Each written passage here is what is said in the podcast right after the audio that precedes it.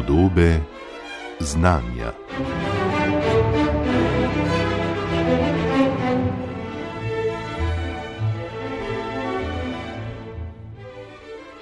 Bolj kot človeštvo s svojimi najrazličnejšimi dejavnostmi spodjeda sposobnost naravnih ekosistemov, da se obnavljajo, bolj postaja jasno, kako zelo smo odvisni od cele vrste dobrin, ki nam jih zagotavlja narava. A kako določiti vrednost nečemu, kar je pravzaprav neprecenljivo, kot so denimo čist zrak in voda ter rodovitna prst, ko smo obenem vse to, tako rekoč do prav pred kratkim, jemali za samoumevno da bi preštevilne usluge nepregledne množice fizikalnih in bioloških procesov vendarle nekako prevedli v ekonomski jezik, ki v pretežni meri kroji naša človeška delovanja, se v zadnjih letih vse bolj izpostavlja pomen ekosistemskih storitev. Poiskati je torej potrebno način, kako bi delo, ki ga opravlja narava, ustrezno vrednotili in s primerno visoko ceno tudi zaščitili, da si ne bi, konec koncev, povsem porezali veje, na kateri sedimo. Z vrednotenjem ekosistemskih storitev se ukvarja tudi današnji gost podob znanja, dr. Anžej Japel, z oddelka za načrtovanje in monitoring gozdov in krajine na Gozdarskem inštitutu Slovenije. Anžej Apel, lepo pozdravljeni. Dobr dan in hvala za vabilo v studio. V luči podnebnih sprememb eh, postaja resnično nujno, da naš odnos do naravnih virov spravimo nekako v okvire, ki so dejansko dolgoročno vzdržni.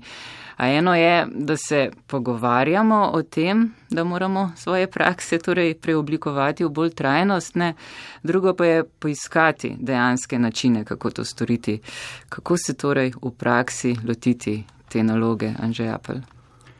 Ja, v praksi običajno ekosistemske storitve jemljemo kot neko komunikacijsko urodje, ne, tako je bilo zamišljeno na začetku razvoja tega koncepta, um, s katerim ne bi v bistvu javnost in pa odločevalce opomnili, da narava niso samo zgolj utipljive dobrine in postoritve, ampak mnogo več. In da je pri naših odločitvah, kako ravnati z naravnimi viri ali pa z ekosistemi, potrebno te mnogotere pozitivne učinke tudi vključevati in upoštevati v naše odločitve. Torej, na kakšne načine recimo pristopate? Zdaj, um, tukaj omenili sem na začetku vrednotenje ekosistemskih storitev. Um, ja, sam se ukvarjam predvsej s tem, bolj kot samim biofizikalnim vrednotenjem, skratka, kar pomeni, da skušamo nekako oceniti, koliko ekosistemskih storitev imamo na voljo, kakšne kakovosti so in tako podobno. Je v zadnjih nekaj desetletjih se precej razvilo tudi tako imenovano ekonomsko vrednotenje ekosistemskih storitev. Namen tega je predvsem, da skušamo vsem ekosistemskim storitvam dati nek skupen imenovalec - denar. To je enota, ki jo vsi zelo dobro razumemo. Zelo enostavno je v bistvu predstavljati tudi odločevalcem, ker jo na tak način lahko vključujejo v svoje procese odločanja. Je pa seveda tako vrednotenje na nek način tudi rahlo lahko kontroverzno. Ne? Na začetku ste omenili neprecenljivost. Se pravi, če mi želimo nekaj, kar mi smatramo kot neprecenljivo oceniti z neko ceno, tukaj že lahko naletimo na en odpor, ne se kaj bi to sploh počeli. Ampak kot sem omenil, namen je predvsem to, da se vzpostavi nek transparenten sistem primerjave. Ker um, ko se odločamo, kako bomo z nekim ekosistemom ravnali, moramo pač med sabo primerjati različne alternative. In uh, zelo preprosto je te alternative primerjati v smislu, da vemo, kaj bo naša odločitev pomenila v smislu ekosistemskih storitev. Bomo recimo, če kmetijsko zemljišče pozidamo in dobimo neko površino za pozidavo, ja, izgubili bomo verjetno potencial za proizvodno hrane, ker tistega kmetijskega zemljišča ne bo več. Ampak to je le en izmed vidikov, kaj bomo izgubili. Ne? In koncept ekosistemskih storitev, ki opisuje paleto različnih pozitivnih učinkov nam pa omogoča, da hkrati upoštevamo ali pa oziroma ugotovimo, kaj vse še ostalo bomo s tem tudi izgubili. Ne? Recimo, izgubili bomo biotsko raznovrstnost, izgubili bomo lahko potencial za skladiščenje oglika v smislu klimatskih sprememb, uh, izgubili bomo tudi lahko neko podobo krajine, poplavna varnost, recimo, ne? kmetijska tla ali pa gozna zemlišča. Znano je, da imajo pomembno kapaciteto zdrževanja poplavnih voda in lahko pripomorejo k poplavni varnosti. Skratka, S konceptom ekosistemskih storitev skušamo te alternative med sabo primerjati in se potem odločiti za optimalno. Zdaj, kaj je optimalno? Običajno tisto, kar nam nudi največji obseg in največjo kakovost ekosistemskih storitev. In če smo jih sposobni ekonomsko vrednoti, lahko njihovo vrednost primerjamo z vrednostjo, kaj dobimo, če to pozidamo. Se pravi, dobimo delovna mesta, nove hiše, nove objekte. in če te vrednosti lahko med sabo nek, na nek način primerjamo, bodo naše odločitve bolj trajnostne. Ker bomo lahko ugotovili, da neko kmetijsko zemljišče enostavno ne moramo nameniti za pozdrav, ker je preveč vredno, bomo s tem preveč izgubili. Zdaj, omenili ste, Anžej Apel, da so pravzaprav ekosistemske storitve v prvi vrsti neko komunikacijsko sredstvo, način, kako pravzaprav nas ozavestiti, kaj vse tukaj uh, se dogaja. Uh, vemo, da v nekem ekosistemu pravzaprav poteka toliko procesov, da za večji del njih pravzaprav ne vejo niti znanstveniki in znanstvenice, ki se ukvarjajo s tem področjem. Skratka, tukaj je še veliko neznanega. Kako pravzaprav ta vidik, ne, že samo kaj se dogaja na, na ravni nekih uh, bioloških sistemov, uh, pravzaprav um, kako daleč smo glede tega, da vemo, kakšno bogatstvo tukaj poteka? Res je, to, kar ste podarili, je lahko velik izziv. Če grem samo korak nazaj, pa se mačkam vrnemo temelje ekosistemske storitve, so pač vse dobrine oziroma vse storitve koristi, ki jih prijemamo od ekosistemov in je družba od njih odvisna za razvoj in pa za obstanek.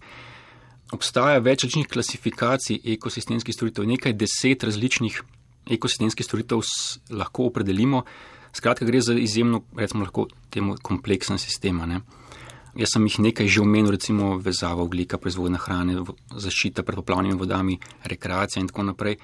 Tako da prvi korak je seveda, da skušamo izbrati tiste ekosistemske sredstva, ki so za nas pomembne in potem, kot ste omenili, tudi primerno ovrednotiti. In ja, tukaj se pojavlja že prva težava, ker um, velik fizikalnih, biofizikalnih procesov, ki potekajo v ekosistemih in so podlaga za ekosistemske storitve, dejansko jih zelo slabo poznamo ali pa v eni meri slabo poznamo. Nekatere je izjemno težko modelirati, izjemno težko oceniti, bodi si zaradi pomankanja primarnih podatkov, bodi si zaradi pomankanja modelskih pristopov, ker še ne poznamo dovolj dobro vseh procesov. Tako da ja, gotovo je tle m, en velik izziv. Tega se običajno lotevamo, da jemljemo za to boljše ali pa slabše približke, kot pač imamo na razpolago teh podatkov in pa modelov.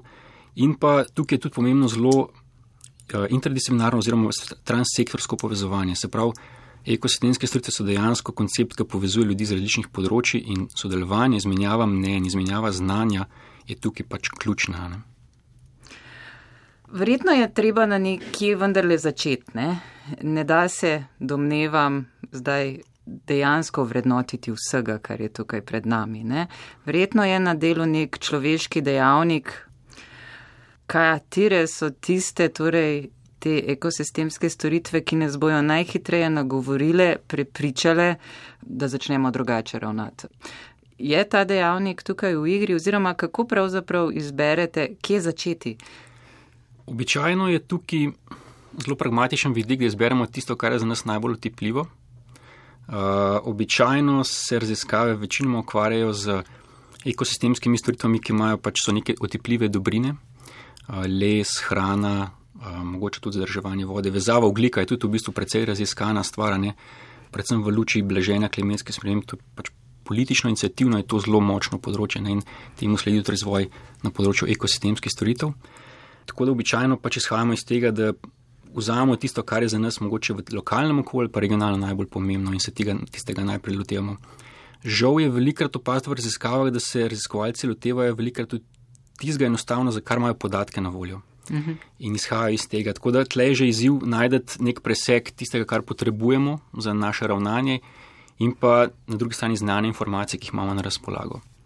Omenili ste podatke, ne? za te vemo, da jih je treba zbrati, da so ključen predpogoj pač eh, resnih raziskav, eh, treba pa je jim nameniti čas, denar, pozornost. Ja, dejstvo je, da je to velikrat lahko problem, ker recimo resorna ministrstva mogoče tega problema ne prepoznava na tak način kot mi raziskovalci, ki neprestano opozarjamo, da pač kakovostni podatki so dobra podlaga za karkoli. Tako da ravno v teh dneh kolegi iz inštituta upravljajo nacionalno gozdno inventuro, kjer na terenu zbirajo obilico različnih podatkov o gozdovih, na podlagi katerih bomo tudi lahko ocenili nekatere izmed ekosistemskih storitev, se pravi, kakšno je, kakšno je stanje naših gozdov v smislu, kaj nam nudijo in koliko nam nudijo. Ne? Katere torej boste najprej ovrednotili? Recimo ena zelo taka utipljiva je proizvodna lesa, se pravi prirastek lesa. Kolik dejansko vsako leto v gozdu priraste lesa, ki ga potem lahko izkoristimo. Ne? To je predvsem um, pomembno, ne samo zaradi, um, zato, da lahko z lesom pač gradimo, se ogrevamo in tako naprej. Les kot obnovljiv vir tudi izjemno podarjajo politične inicijative na ravni Evropske unije, recimo ne omenem akcijski načrt za krožno gospodarstvo, ker je gozdarstvo en izmed pomembnih elementov, ki bi prispevalo k temu. Potem je tukaj še novo nastajajoča gozdarska strategija, ki je ravno v teh dneh v bistvu v neki javni razpravi. No, pa če se vrnem na nacionalno inventuro, tudi zaloga oglika, to je ena izmed pomembnih vprašanj, s katerimi se ukvarjamo, ker gozdovi so lahko izjemen ponor atmosferskega oglika, se pravi, da ga nekako shranjujejo v biomasi in s tem odzemajo atmosferski oglik in blažijo klimatske spremembe. Tako da vse te stvari na gozdarskem inštitutu zbiramo in predvsem z namenom, da te podatke potem izvrednotimo in pripomoremo k temu, da bi bile odločitve na ravni politike, ne, kar se da trajnostne in pa temelje na kakovostnih podatkih intermeco, v kakšnem stanju bi rekli, so trenutno slovenski gozdovi? Vemo, da jih imamo precej, ampak. Površinsko je precej, ampak slovenski gozdovi so v zadnjih, recimo 2014 naprej, leta 2014 naprej, doživeli kar nekaj, recimo, je bil žled. Pretresov, ja, potem še kakšen vetrolom in tako naprej. Ampak kljub temu je uh, predvsem. Zato, ker so bili tako lesniki kot upravljalci državnih gozdov precej hitri pri sanaciji, relativno hitri, uh, so velik del teh poškodb že sanirali in gozdovi načeloma pač priraščajo naprej. Ne. Tako da v tem smislu, ja, gozdov imamo površini veliko, ampak to je samo en izmed vidikov, na katerega lahko pogledamo. Ne. Pomembna je sestava gozdov, drevesna sestava, pomembne so lesne zaloge, se pravi, koliko lesa je, eh, zdravje, zdravstveno stanje gozda, njihova biotska raznovrst. Vsi to so elementi, ki so ključni za to, da lahko potem na podlagi teh podatkov opredeljujemo in pa ovrednotimo ekosistemske storitve. Ne. Ukvarjali ste se tudi že v preteklosti, dr. Anže Japel, s tem, kako pravzaprav ljudje vrednotimo neko rekreacijsko vrednost, ki nam jo nudijo gozdovi.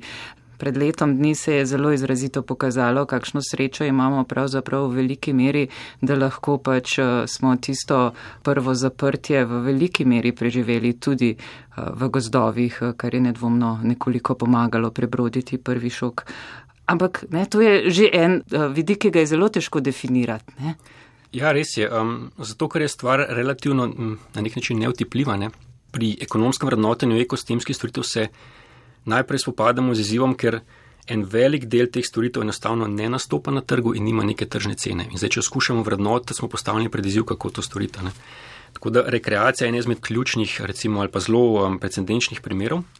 Tudi ljudje jo jemljajo kot nekaj, kar bi moralo biti nekako na razpolago vsem, brez omejitev. In je že zato tudi ekonomsko vrednotenje na nek način lahko kontroverzno sprejeto, ker ljudje ne želijo, da se tega vrednoti, ker logično kmalo zatem prihaja strah, a zdaj, če bomo to vrednotili, a bo to prišlo nek na trg, a bomo morali plačevati za to, da bomo v gozdove vstopali. Seveda ne, ne. ekonomsko vrednote je namenjeno predvsem temu, da ugotovimo, kako pomembno je to v primerjavi z ostalimi storitvami in potem temu prilagajamo tudi naše gospodarne z gozdovi. Res je, mi smo, jaz sem že pred leti počel taka vrednotenja, pa še vedno jih. Tukaj obstaja obilica različnih metod, kako se tega lotiti. Lansko leto je bila objavljena ena raziskava, ki je nizala kar 43 različnih metod za vrednotenje ekosistemskih storitev. Kot sem že omenil, tukaj izhajamo predvsem iz tega, pač, kakšni podatki so na voljo in pa kakšna je tipologija vrednosti, ki jo neki storitvi pripisujemo. Je to rabna vrednost, je to nerabna vrednost, opcijska, gre za nek altruizem. Iz tega potem izhaja izbira primerne metode. In ja, jaz sem tukaj uporabil eno izmed tako imenovano metodo diskretne izbire, ki izhaja iz trženja in enostavno temelji na tem, da karkoli neotipljivega nam je lahko tako vredno, kakršno korist nam to prinaša. In to korist moramo pač od nekoga zdaj v nekakšni izvleč z neko metodo. Se pravi, če si predstavljate, če gremo skupaj v trgovino plastenko ne vem, pijače, bom pri plastenki pijače presojal njeno količino, embalažo, vsebnost in pa tudi ceno. In tudi recimo rekreacijo na gozdu se da na tak način razdeliti na neke atribute. Dolžina sprehajalnih poti, gneča, recimo, kakšen je vzpon poti, a slišim tiče petje ali ne, kakšna je pot, je urejena. In podlagi tega, ko iz teh atributov potem sestavimo različne alternative in tem alternativam prilepimo neko hipotetično ceno, se pravi, koliko bi moral nekdo plačati, da bi imel recimo bolj utrjeno pot ali pa več izjemnih dreves. Na podlagi tega potem lahko ocenimo z nekim postopkom, koliko bi bil načeloma nekdo pripravljen plačati za, za te izboljšave. In to je ta približek vrednosti rekreacije, s katero lahko operiramo. Je pa treba tukaj poudariti in paziti, um, ekonomsko vrednotenje pač ponuditi neke rezultate, ki jih je pa treba kritično uporabljati, oziroma z nekim kančkom zadržka, bi rekel, ne? ker gre za hipotetične ocene, to je prva taka pomembna reč. Ne? Druga je pa, to ni tržna cena, ne? to ne smemo kar vzeti kot tole pa zdaj vrednost na trgu. Ne? To je samo nek rang, bi jaz rekel, nek rang pomembnosti, koliko je nam nekaj pomembno, ne? ni absolutna vrednost tukaj pomembna. Pa vendar se zdi, ne, da bi želeli pri številnih uh, vidikih tega, kar nam skratka ponujajo, torej ekosistemske uh, storitve, tudi zajeti marsikdaj neko to polno ceno tega, da mi uporabljamo, ne vem, recimo vodo, zemljo ali kako drugače, da bi se to v teh vidikih, ko bi mi rabo nekega prostora recimo spremenili, to dejansko poznalo v ceni, ki bi jo morali za to plačati. Kajti danes vemo, da je pravzaprav mnogo dražje kaj narediti na nekem degradiranem zemlišču, ki že ima nekega lastnika, ki ima neko um, človeško zgodovino pozidave, kot pa pravzaprav delati na, na, na zemlji, ki je verjetno iz ekosistemskega stališča mnogo dragocenejša. Ja, Ta vstop na trg eh, teh vrednosti tukaj, ki jih ocenjujete, ni preprost. Ne? ne, zagotovo ne. Dotaknila sva se že mm, pestrosti ekosistemskih storitev, to je pač prvi korak, mislim, prva težava. Eh, to, kar govorite, izhaja iz, ja, recimo v 40-50 letih prejšnjega stoletja je prihajalo do izjemne degradacije okolja, po vojni se je gospodarstvo zagnalo, potrebna je bila ubilica različnih virov, kmetijstvo se je začelo pospeševati, v 60 letih se je uh, inicirala skupna kmetijska politika, ki je dala enormen pospešek kmetijski proizvodnji ne, in prihaja do velike degradacije okolja in potem so razmišljali ljudje oziroma raziskovalci, čemu ne, čemu, zakaj te narave ne upoštevamo pri naših odločitvah. So prišli do sklepa, da če bi bile vse te obstranske pozitivne koristi, ne, ekosistemske storitve ovrednotene in bi vstopale v proces ekonomskega odločanja, temu mogoče ne bi bilo tako. In v tem se je potem rodilo ekonomsko vrednotenje. Ne. Tako da ja, recimo, če bi pri ceni bodi si zemlišča, bodi si tudi hrane, konc koncev, upoštevali vrednost ekosistemskih storitev, ki jih mogoče s tem procesom izgubljamo, ne? mogoče ne, proizvodna kilograma govedine pomeni toliko izgube biotske pestrosti, toliko porabe vode, izgube tajne organske snovi. In če bi to vse v ceno upoštevali, bi ta zagotovo ne bi bila taka, kot je danes, ki upošteva zgolj in samo strošek dela in pa surovin, ki jih pridobimo. Ne? Tako da jaz ne govorim zdaj, da je mogoče meso, meso prepoceni, ne? to je mogoče malo heretična ideja, ampak bi se morala. Bi se moral ta okoljski vtis našega ravnanja, proizvodov, hrane, ki uživamo, ali pa zemljišč, ki jih porabljamo, nekje bolj jasno videti. In potem verjetno ne prihaja do takih anomalij, kot prihaja danes. Ne.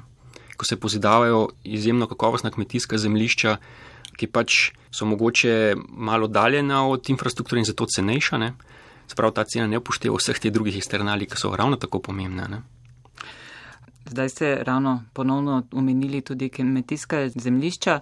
Trenutno tudi dr. Anžej Apel vodite raziskovalni projekt o vrednotenje ekosistemskih storitev TAV v kmetijski rabi. Gre za nek konkreten projekt, verjetno imate jasne cilje, kaj bi želeli doseči in kako. Skratka, kako na tem nekem konkretnem primeru eh, bo izgledalo to vrednotenje? Ja, v tem projektu, ki se je ravno lani konec leta začel skupaj z Biotehniško fakulteto in pa Kmetijskim inštitutom Slovenije, še sodelujemo, Uh, želimo na nek način razširiti trenutni sistem tako imenovane bonitiranja kmetijskih zemljišč. Prav, obstaja nek sistem v Sloveniji, s katerimi s kmetijskim zemljiščem, recimo temu, dajemo neko kakovostno ceno, predvsem v smislu rodovitnosti. Se pravi, kakšen je potencial za proizvodno recimo hrane. In po našem izhodišču je pač to zelo osko gledano, ne? se pravi, upoštevamo samo eno izmed teh ekosistemskih storitev. Če pa bi v to vrednotenje upoštevali oziroma vključili tudi ostale ekosistemske storitve. Prav v tem projektu skušamo povezati sistem bonitiranja in pa koncept ekosistemskih storitev in na tak način razširiti to presojo ocenjevanja kmetijskih zemljišč, ki bi potem dejansko lahko pokazala, da so nekatera kmetijska zemljišča mogoče danes manj vredna, pa vseeno veliko vredna in jih je potrebno mogoče zaščititi ali pa ohraniti. Skratka, na tak način bomo skušali sistem vrednotenja kmetijskih zemljišč razširiti in ga mogoče približati bolj principu trajnosti. Ne? Skratka, da bi ugotovili, da mogoče so pa nekatera zemljišča zelo, um, jih je potrebno trajno zavarovati in jih ne namenjati pozidavi, ker niso pomembna mogoče z proizvodnega vidika, so pa zelo pomembna iz drugih vidikov, recimo sekvestracija oglika, zadrževanje vnesnežil, biotska raznovrstnost, tudi kulturna krajina konc koncev. V praksi bo to kako izgledalo? V praksi bomo izbrali nekaj pilotnih zemljišč, kjer bomo. Na različnih koncih Slovenije? Ja, namen je, da se nekako zajame vseh pet pedosekvenc, ki v Sloveniji obstajajo, se pravi teh glavnih kategorij. In za vsako iz teh pedosekvenc zberemo reprezentativen vzorod zemljišč, na, na katerih bomo najprej biofizikalno vrednotili izbrane ekosistemske storitve, katere so te, bomo spet skupaj z deležniki določili iz lokalnega okolja. Ne se pravi, jih skušali ovrednotiti, potem pa tudi ekonomsko izračunati njihovo ceno. Se pravi, mi bomo na tak način skušali pokazati, da bi morda tržna cena te, teh zemljišč ne odraža pravi, njihove prave vrednosti. Tako da to bomo skušali dejansko na terenu izvesti, izvrednotiti in potem na koncu pripraviti tudi neka priporočila politikom v Sloveniji, da bi ta sistem morda lahko uplemenitelj tudi s konceptom ekosistemskih storitev in ga rešili v prihodnje. Verjetno ne, To vseeno pač vstopa v nek zelo kompleksen sistem. Ne? Ko že danes, ko govorimo o denimo kmetijstvu, o zaraščanju in je to iz nekega vidika problem, pa izseljevanje iz drugega vidika eh, problem. Skratka, tukaj se zdi na delu res zelo, zelo veliko dejavnikov, kjer lahko vnaprej pričakujemo, da bojo ugovori, pripombe, kritike z najrazličnejših vidikov vstopale v, v to zgodbo. Ja, res je. Zdaj predstavljam si, da je mogoče kakšnemu investitorju to mogoče ne bi bilo všeč, če bi kakšen tak projekt ali pa če bi se ta sistem dejansko uresničil pa v praksi. Ne. Ugotovili so pa nekatera zemljišča zelo pomembna z vidika ekosistemskih storitev in jih potrebno trajno zaščititi, nekdo ima mogoče tam interes nekaj drugega početa, ne, ne vem, stvar pozidati, spremeniti namennost ali karkoli. Tako da gotovo je tak pristop k vrednotenje ali pa bonitiranje kmetijskih zemljišč širi, uh, lahko trno petim marsikomu. Ne? Ampak če izhajamo zelo transparentno iz potreb družbe po trajnostnem razvoju, po dolgotrajnem um, gospodarnem s kmetijskimi zemljišči, potem je po mojem mnenju tak pristop, ki je bolj celosten od trenutnega, ključen in pa nujen. No? In na to bi tudi bomo skušali na koncu pozoriti tudi naše odločevalce, da vsaj presodijo ali pa pretehtajo, če bi mogoče rezultati tega projekta dejansko bili tudi uporabni za prakso. Je pa res, da je ta projekt še precej na začetku, mi smo tukaj bolj kot ne se ukvarjali samo s tem, da smo pripravili izhodišča, konceptualni okvir, kako se bomo sploh vrednotili lotili. Tukaj smo se precej oslonili na predhodne raziskave. In hkrati ugotovili, da je vrednotenje ekosistemskih storitev kmetijskih tal zelo redka stvar. Eh, tudi v svetu se tega izjemno redko lotevajo, verjetno tudi iz vidika, ki smo ga že na začetku imeli, pomankljivih podatkov. Tla so le, recimo, v čem skrita, uh, veliko težje je verjetno upravljati meritve nekje v tleh, ker je pač treba stvar odkopati, presajati, um, izbrati neke vzorce, kot pa recimo kolegi, ki na terenu merijo gozno drevo, ker je relativno lahko dostopno. Uh, Pa verjetno tudi večjega dela organizmov, ki tam bivajo, sploh ne poznamo. Ne? Ja, Kaj šele njihove vloge in interakcije in povezano s tem vsega tega? Pedofauna je neka zelo skrivnostna stvar, tudi um, sploh pedologija nasplošno je stvar, ki se ukvarja z izjemno kompleksnim ekosistemom kot so tlane. Uh, tla še daleč tega, da je bila mrtva gmota zemljene, so zelo živa um, živalske, rastlinske, glivne, bakterijske kulture ki imajo tudi vlogo v kroženju hranilnih snovi, konc koncev um, lahko presnavljajo organsko snov, konc koncev lahko tudi sekvestirajo oglikov, oglikov dioksid iz atmosfere in pripomorejo k blaženju klimatskih sprememb. Skratka, gre za izjemno kompleksne sisteme, ki so ja, verjetno v določeni meri še precej neraziskani. Potem pa je treba to dejansko nam um, ozavestiti, ne? vse ta pomen. Ne? Kaj ti, če gledamo, ne v Sloveniji imamo pravzaprav kar precej. Uh, Veliko območij pod raznimi oblikami zaščite, pa vendarle človek s svojimi željami za eh, bivanje, infrastrukturo in vse ostalo, eh, počasi pa vendarle posega vse, vse naprej in naprej. Ne? Ja, res je. Slovenija je Radi se pohvalimo, da smo biodiverzitetna vroča točka Evrope. Ne? Imamo precej gozdov, relativno dobro ohranjene gozdove, tudi kmetijske površine so v primerjavi s kakšnimi mogočimi zahodnimi državami. Ne? Relativno trajnostno se z njimi gospodari, ne? ni, ni teke zelo intenzivnega gospodarja. Imamo tudi obsežno mreže, recimo Natura 2000 območij, eno večjih v Evropi, ki nam prinaša ob tem, da ohranjamo s tem ekosisteme, nam pa prinaša tudi precej izzivov. Seveda, kot ste omenili, v nekaterih delih države bi morda nekatere skupnosti ljudi želeli nek večji razvoj ali pa hitrejši razvoj, ampak jim vsi ti režimi varstva to ne mogočejo. Tle je potrebno najti neko ravnoteženo med uh, tako imenovano gospodarstvom in naravovarstvom. Treba je z roko v roki, ker um, če pogledamo ljudje, kljub vsem nadomestkom, surogatom, ki jih gospodarstvo proizvaja, smo še vedno izjemno odvisni od narave in ne sme, tega ne smemo pozabiti. Tudi gospodarstvo je izjemno odvisno od narave. Jaz sem ravno pred dnevi bral poročilo Švicarskega inštituta za tehnologijo, ki ugotavlja, da 55 odstotkov globalnega BDP je še vedno močno odvisnega od naravnih ali pa spremenjenih ekosistemov in to je gotovo ni za zanemarjati. Hkrati so recimo ugotovili tudi inštitucije, finančne inštitucije, recimo več kot tretjina vsega finančnega vložka, recimo danskih finančnih organizacij, je izjemno ranljivih, ker so močno povezane ali podvisne od ekosistemskih storitev. In če bi ekosistemi, na katere se ta gospodarska dejavnost, kamor investirajo, kolapsirali, dejansko vse ta vložek lahko izpuhtine. Recimo samo v primeru Danske govorimo o recimo 500 milijardah evrov, kar je izjemno. Ne? Tako da je potrebno vedeti, da ja, razvoj gospodarstva je seveda pomembno, kreira delovna mesta, daje nam kruh na mizo, ne? ampak narava pa enako ne? je tudi pomembna za nas in tega ne smemo pozabljati. In ekosistemske storitve so dejansko koncept, ki skuša to na nek način povezati. Kako bi si, dr. Anžej Japel, potem predstavljali to v praksi? Kako bi delovalo, če bi se prijelo? Recimo, ena izmed inicijativ, ki obljublja precej, bomo videli, kako se bo išlo, no, je tako imenovana neko um, natural capital accounting, se pravi, gre za neke sisteme okoljskih računov ali pa bilanc naravnega kapitala, kjer bi naravni države skušali spremljati, kakšno je stanje naših ekosistemov in od, ob tem skušati ugotoviti, kakšna je korelacija stanja ekosistemov in pa delovanja gospodarstva. In ugotavljati, kako gospodarstvo vpliva na naravo in obratno. In če, povezavo, če bi to povezavo dosti konsistentno mm, nekako ovrednotili, bi lahko tudi ugotavljali recimo neke referenčne ali pa kritične meje. Se pravi, dokje lahko še posegamo, da ne preveč pretresemo ravnovesja v naravi, koliko se gospodarstvo še lahko recimo širi, koliko zemljišče lahko namenimo za pozdavo. To je namen tega sistema, ki se v Sloveniji zelo previdno zaenkrat uveljavlja, no, v smislu, mislim, da okoljskih računov, ampak namen je širši. Ne, to inicijativa je vse evropska in nekatere države so pri tem relativno zelo uspešne.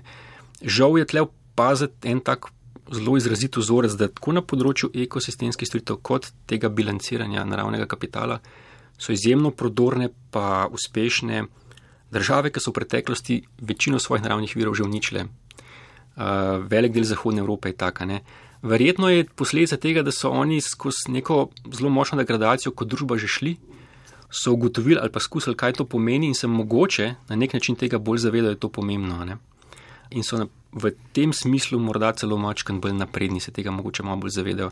Seveda tukaj velja potem zadržek, ne, da ja, ampak tudi naš del Evrope, ne, recimo gozdarstvo, lahko povem. Ne, to, da so gozdovi v Sloveniji taj, kot so danes, relativno dobro ohrani 60% površine, to je pač rezultat stoletnega dela nekega sektorja ljudi. Ne, tako da tudi um, kljub temu, da mi tega vsega nismo ne, nekdaj uničili, ne, imamo vsem tudi mi znanje in pa, in pa know-how, kako z naravnimi ekosistemi gospodariti, ne da jih degradiramo polno.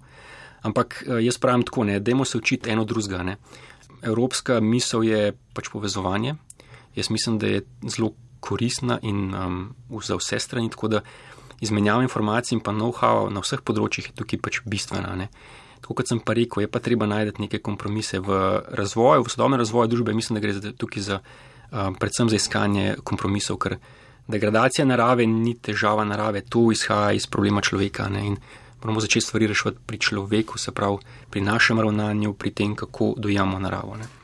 Bi morda morali torej gledati tudi na to, kako pravzaprav razumemo oziroma vrednotimo v konkretnih številkah ki jih imamo radi, tudi pač ta razvoj. Ne? Se pravi, da ne bi vse temeljilo na torej, rasti BDP-ja, ampak da bi bilo v to neko številko, če že vključeno tudi vse to, recimo, ekosistemske storitve. Ja, že precej pobud tudi z tega področja je bilo, recimo, zeleni BDP je en tak, se od katerem se veliko pogovarjamo.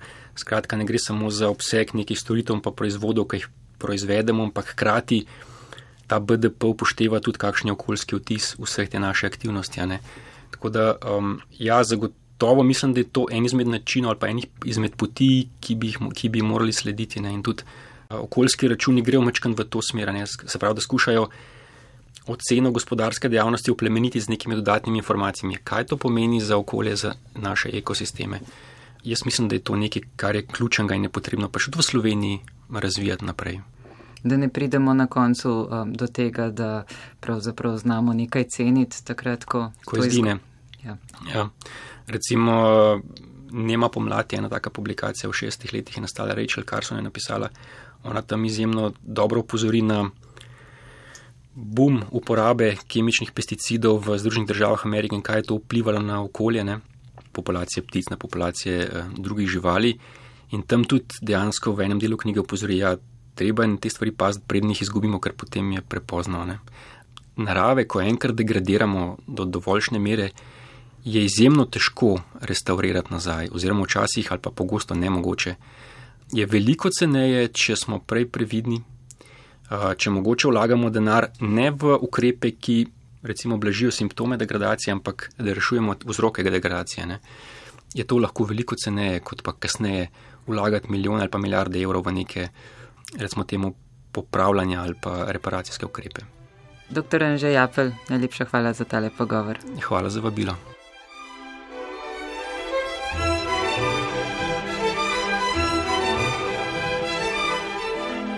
Podobe znanja. Z dr. Anžetom Japljem sem se pogovarjala Nina Slaček, zato je skrbel Vojko Kokot. Vabljeni, da oddaji podobe znanja prisluhnete tudi na spletni strani programa Ars ali jo poiščete med podcasti.